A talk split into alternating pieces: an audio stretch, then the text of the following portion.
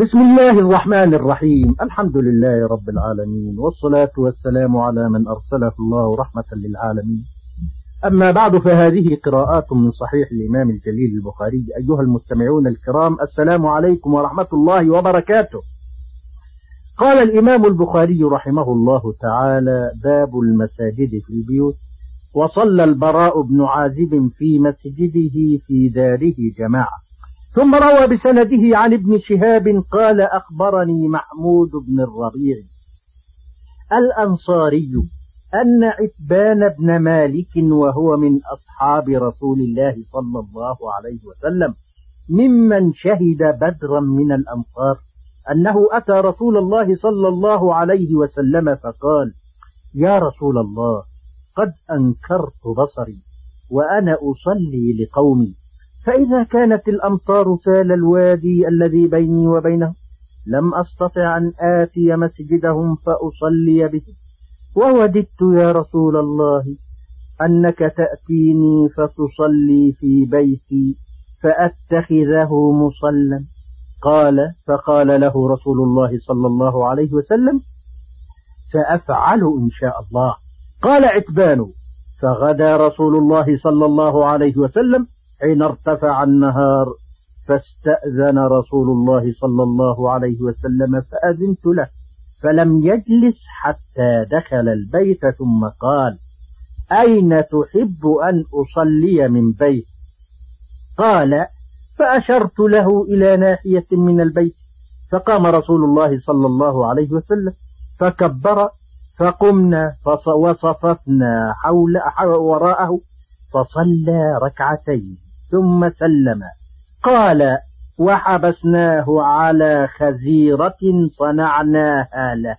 قال فساب في البيت رجال من أهل الدار ذو عدد فاجتمعوا فقال قائل منهم أين مالك بن الدخيش أو ابن الدخشن فقال بعضهم ذاك منافق لا يحب الله ورسوله.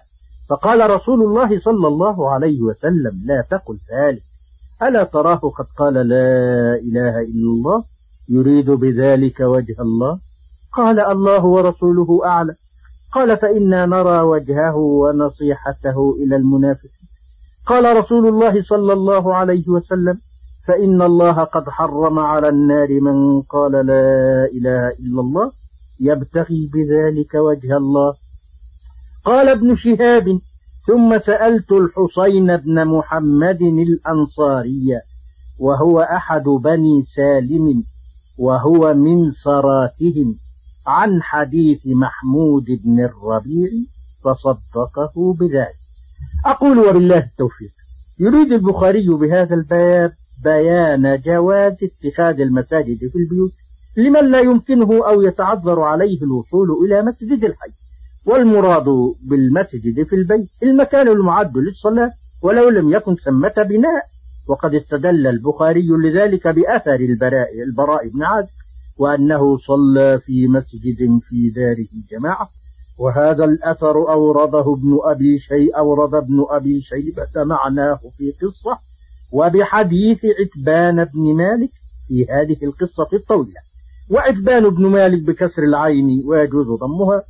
السالمي الأنصاري من بني سالم بن عوف بن عمرو بن عوف بن الخزرج من خيار الصحابة وفضلائهم شهد بدرا كما في هذا الحديث الصحيح وإن لم يذكره ابن إسحاق في من شهده.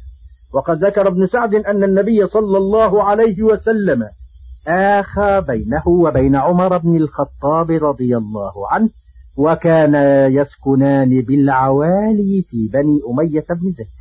وفي الصحيح أنه كان يتناوب هو وأخوه عمر بن الخطاب في النزول إلى رسول الله صلى الله عليه وسلم. هذا ينزل يوما وذاك ينزل يوما آخر. وفي اليوم الذي كان ينزل أحدهما فيه يشتغل الآخر بالعمل في الزراعة وغيرها لتحصيل الرزق. وكان يصلي إماما بقومه بني سالم ابن عوف حتى أضر بصره. وكف في آخر عمره فطلب من الرسول أن يصلي له في مكان في بيته ليتخذ منه مصلا فأجابه النبي كما جاء في هذا الحديث. وقد جمع إلى شرف الصحبة لرسول الله شرف الرواية عنه فرضي الله عنه وأرضاه. وأما محمود بن الربيع الأنصاري الخزرجي يقال إنه من بني الحارث بن الخزر وقيل إنه من بني سالم بن عوف ولعله الأرجح وكان من صغار الصحابة. عقل من النبي صلى الله عليه وسلم مجة مجها في وجهه وهو ابن خمس سنين فرضي الله عنه وأرضاه. وأما معنى قد أنكرت بصري فهذه العبارة تطلق ويراد منها ضعف البصر وتطلق ويراد بها العمى التام والظاهر أنه حصل له ضعف في بصره ثم زاد حتى انتهى به إلى العمى وبذلك نوفق بين الروايات الواردة في هذا الباب. وأما قوله صلى الله عليه وسلم سأفعل إن شاء الله فهو من الأدب الذي أدب الله به نبيه والمسلمين حيث قال سبحانه ولا تقولن لشيء إني فاعل ذلك غدا إلا أن يشاء الله. فهو من قبيل تعليق الفعل بالمشيئة الإلهية. وكان عدبان قد أرسل لرسول الله صلى الله عليه وسلم فلما استبطأه ذهب إليه بنفسه متمنيا أن يحضر رسول الله صلى الله عليه وسلم إلى بيته ليصلي له في مكان في بيته ليتخذ منه مصلى له لما كف بصر وتعذر عليه الوصول إلى مسجد قومه الذين كان يؤمهم ولا سيما في أوقات الأمطار التي يسيل على أثرها الوادي. فاستأذن رسول الله صلى الله عليه وسلم فأذنت له. هذا يدل على وجوب الاستئذان عند دخول البيت. حتى ولو كان المستأذن جاء بدعوة وأن الإمام الأعظم حكمه كحكم غيره من عامة الناس في الاستئذان عند دخول البيوت. وحبسناه على خزيرة صنعناها له الخزيرة طعام يصنع من لحم يقطع قطعا صغارا ثم يطبخ بالماء فإذا نضج ذر عليه الدقيق. فإذا لم يكن فيها لحم فهي عصيدة وأما الحريرة فتصنع من الدقيق واللبن. ومعنى حبسناه أي منعناه من الخروج حتى يطعم عندنا هو وأصحابه الذين كانوا معه. ومعنى فثاب في البيت رجال من أهل الدار ذو عدد فاجتمعوا ثاب أي جاء. والمراد بأهل الدار أهل المحلة والدار تشتمل على بيوت. وفي الحديث الصحيح خير دور الأنصار دار بني النجار. وفي الحديث دفاع رسول الله صلى الله عليه وسلم عن مالك بن الدخشم بأنه ليس منافقا لأنه قال لا إله إلا الله يريد بها وجه الحق تبارك وتعالى أي قالها مخلصا من قلب. وأما معنى قوله صلى الله عليه وسلم فإن الله قد حرم على النار من قال لا إله إلا الله يبتغي بذلك وجه الله فالمراد بلا إله إلا الله الشهادتان يعني ومحمد رسول الله والمراد الشهادتان وما تستلزمانه من الأعمال الصالحة من امتثال المأمورات واجتناب المنهيات أو المراد بقوله فقد حرمه الله على النار أي حرم عليه الخلود فيها. وليس من شك في أن المؤمن لا يخلد في النار حتى ولو كان عاصيا.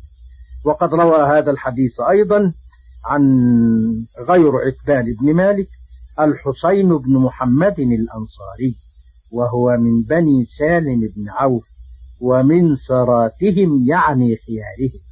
وأفاضلهم. وقد صدق محمود بن الربيع راوي الحديث عن عتبان في كل ما قاله في هذا الحديث. وليس لعتبان ولا للحسين في الصحيحين سوى هذا الحديث. وفي الحديث ما كان من الصحابة في تبركهم برسول الله صلى الله عليه وسلم واتخاذهم من موضع صلاته مصلى له.